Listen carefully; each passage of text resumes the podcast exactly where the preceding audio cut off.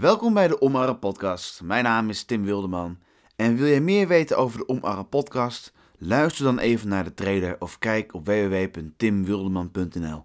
En luister je de podcast vaker? Geef dan vooral even 5 sterren als je luistert via Spotify. Dan wens ik je nu heel veel plezier met luisteren naar de Omarre Podcast.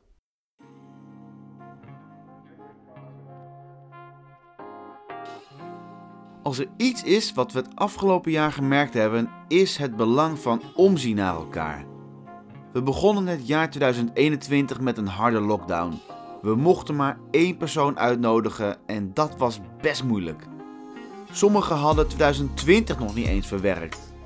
En 2020 is het jaar wat zich kenmerkt door eenzaamheid, elkaar niet meer zien en niet meer kunnen doen wat we het liefst zouden willen. Er is sprake geweest van heel veel verdriet en heel veel mensen zijn er depressief door geworden.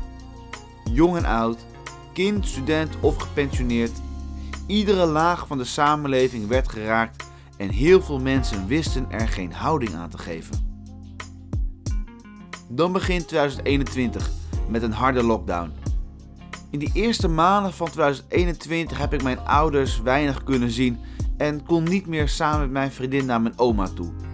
We konden geen vrienden zien, de sportschool was dicht, winkels en horeca waren dicht, dus een dagje weg zat er ook niet meer in. Als ik mijn podcast van die tijd terugluister, dan hoor ik iemand die het zwaar heeft, maar die het best probeert te halen uit de mogelijkheden en de situatie. Wat we hebben geleerd van 2021 is hoe belangrijk het is om elkaar te blijven spreken en zien. Het is heel makkelijk om contacten te laten verwateren.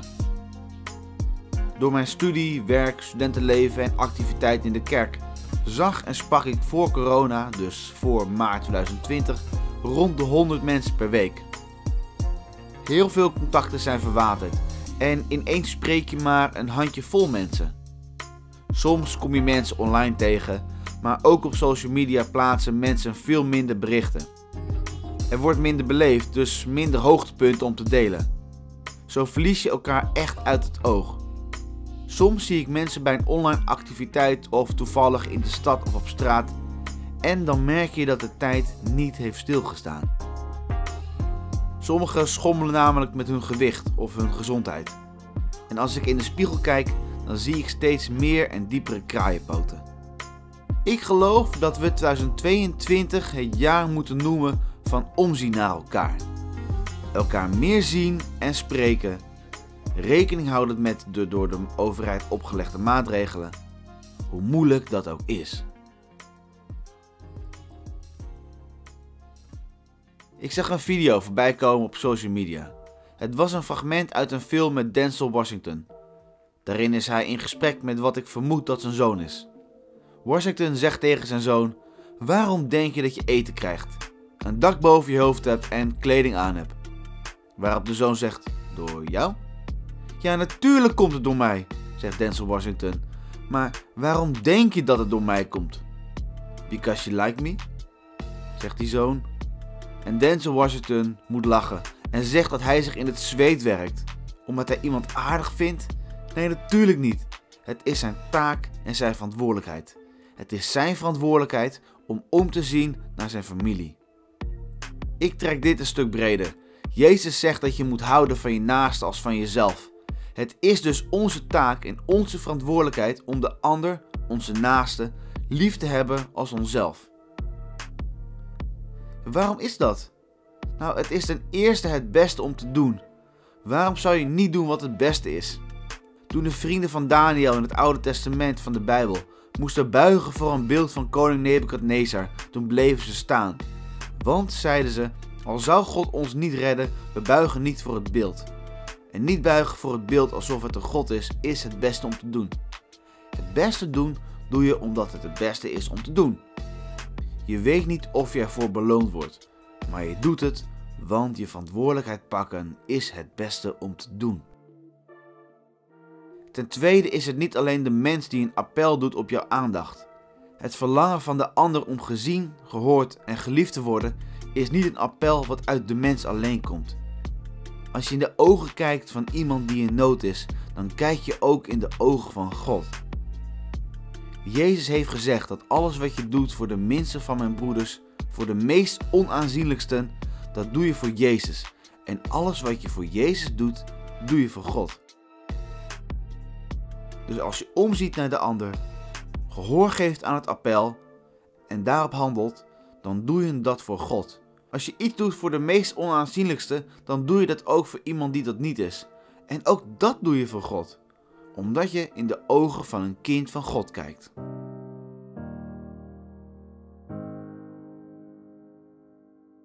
Soms heb je het nodig dat je innerlijke vuur aangewakkerd wordt.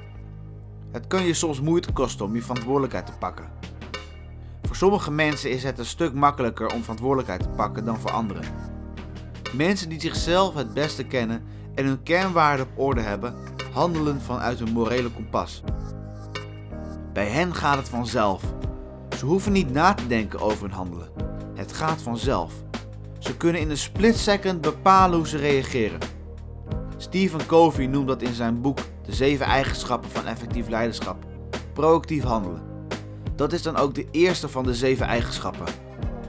De stoïcijn en schrijver Ryan Holiday schrijft in zijn boek In de stilte ligt het antwoord dat niets vermoeiender is dan iemand die, omdat hij of zij geen morele code of een moreel kompas heeft, over elk besluit hard moet nadenken en elke verleiding moet onderzoeken. Iemand die zijn kernwaarden op orde heeft, hoeft niet na te denken. Als iemand met krukken de bus in komt lopen, dan is die al opgestaan voordat hij of zij heeft nagedacht waarom het goed is om op te staan. Het zit zo diep in iemand zijn dat er niet meer over nagedacht hoeft te worden. Als iemand valt, dan lacht diegene niet, maar dan, snelt hij zich naar het slachtoffer toe om te kijken of het goed met diegene gaat. Doe daarom je best om jezelf op orde te hebben. Je best doen om jezelf te zijn. Om te zien naar de ander is een visueuze cirkel. Don Miguel Ruiz zegt namelijk in zijn boek De Vier Inzichten dat door je best te doen ga je intensiever leven. Je wordt productiever en je gaat goed voor jezelf zorgen door het beste van jezelf aan je gezin, de gemeenschap, aan alles te geven. En juist dat maakt dat je intens gelukkig zult zijn.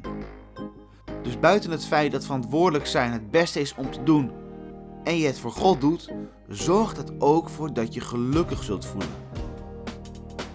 Het kennen van jezelf is een verlicht leven.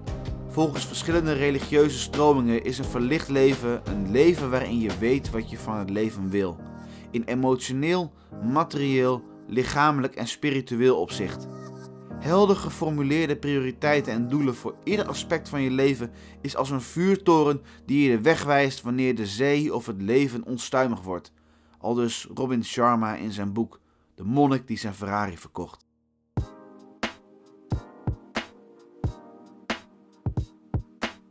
Deze podcast wil ik afsluiten met wat bijbelse voorbeelden van mensen die wel of niet hun verantwoordelijkheid pakten. Jozef uit het Oude Testament werd door zijn broers verstoten en verkocht als slaaf. Via omwegen belandde hij onterecht in de cel vanwege een valse getuigenissen en zonder een eerlijk proces. In de cel hielp hij iemand de gevangenis uit te komen. Jozef werd door die man vergeten en jarenlang zat hij in de cel. Uiteindelijk kwam hij uit de cel en door het verantwoordelijkheidsgevoel van Jozef, doordat hij wist wat het beste was om te doen, door zijn morele kompas op orde te hebben en om te zien naar de minste van zijn broeders, redde hij de wereld van een enorme hongersnood. Jona daarentegen kreeg de opdracht van God om naar een stad te gaan en ze daar te herinneren aan hoe slecht ze leven, zodat ze alsnog gered konden worden. In plaats daarvan negeerde Jona het appel van God en vluchtte naar de totaal andere kant en pakte niet zijn verantwoordelijkheid. David moest voordat hij koning werd vluchten voor de huidige koning, genaamd Saul. Saul was onredelijk, had geen verantwoordelijkheidsgevoel en deed wat het beste was voor zichzelf, in plaats van wat het beste was om überhaupt te doen, voor zijn land bijvoorbeeld. Toen David Saul vond, toen hij in een grot zijn behoefte aan het doen was, kon David Saul vermoorden. Dit hadden heel veel mensen rechtvaardig gevonden, maar David niet. David zag de nood in de ogen van Saul, had zijn morele kompas op orde. Hij wilde niet op deze manier koning worden. Het is namelijk aan God om te bepalen wanneer David koning zou worden en op welke manier. Dat en meer maakte David een man naar Gods hart. Het beste voorbeeld van iemand die vanuit liefde zijn verantwoordelijkheid pakte was Jezus. Jezus luisterde niet naar de verleiding van de duivel, het kwade, maar stierf aan het kruis zodat wij kunnen leven. In vrijheid en liefde mogen wij verantwoordelijkheid dragen over andere mensen waarbij we tot dienst van anderen mogen zijn. We mogen een herder zijn voor Gods schapen. Ik geloof dat verantwoordelijkheid dragen hetgeen is wat ons door 2022 kan helpen. Dat kan onze redding worden. Door vanuit liefde als kernwaarde je verantwoordelijkheid te dragen en je best doen door om te zien naar de ander.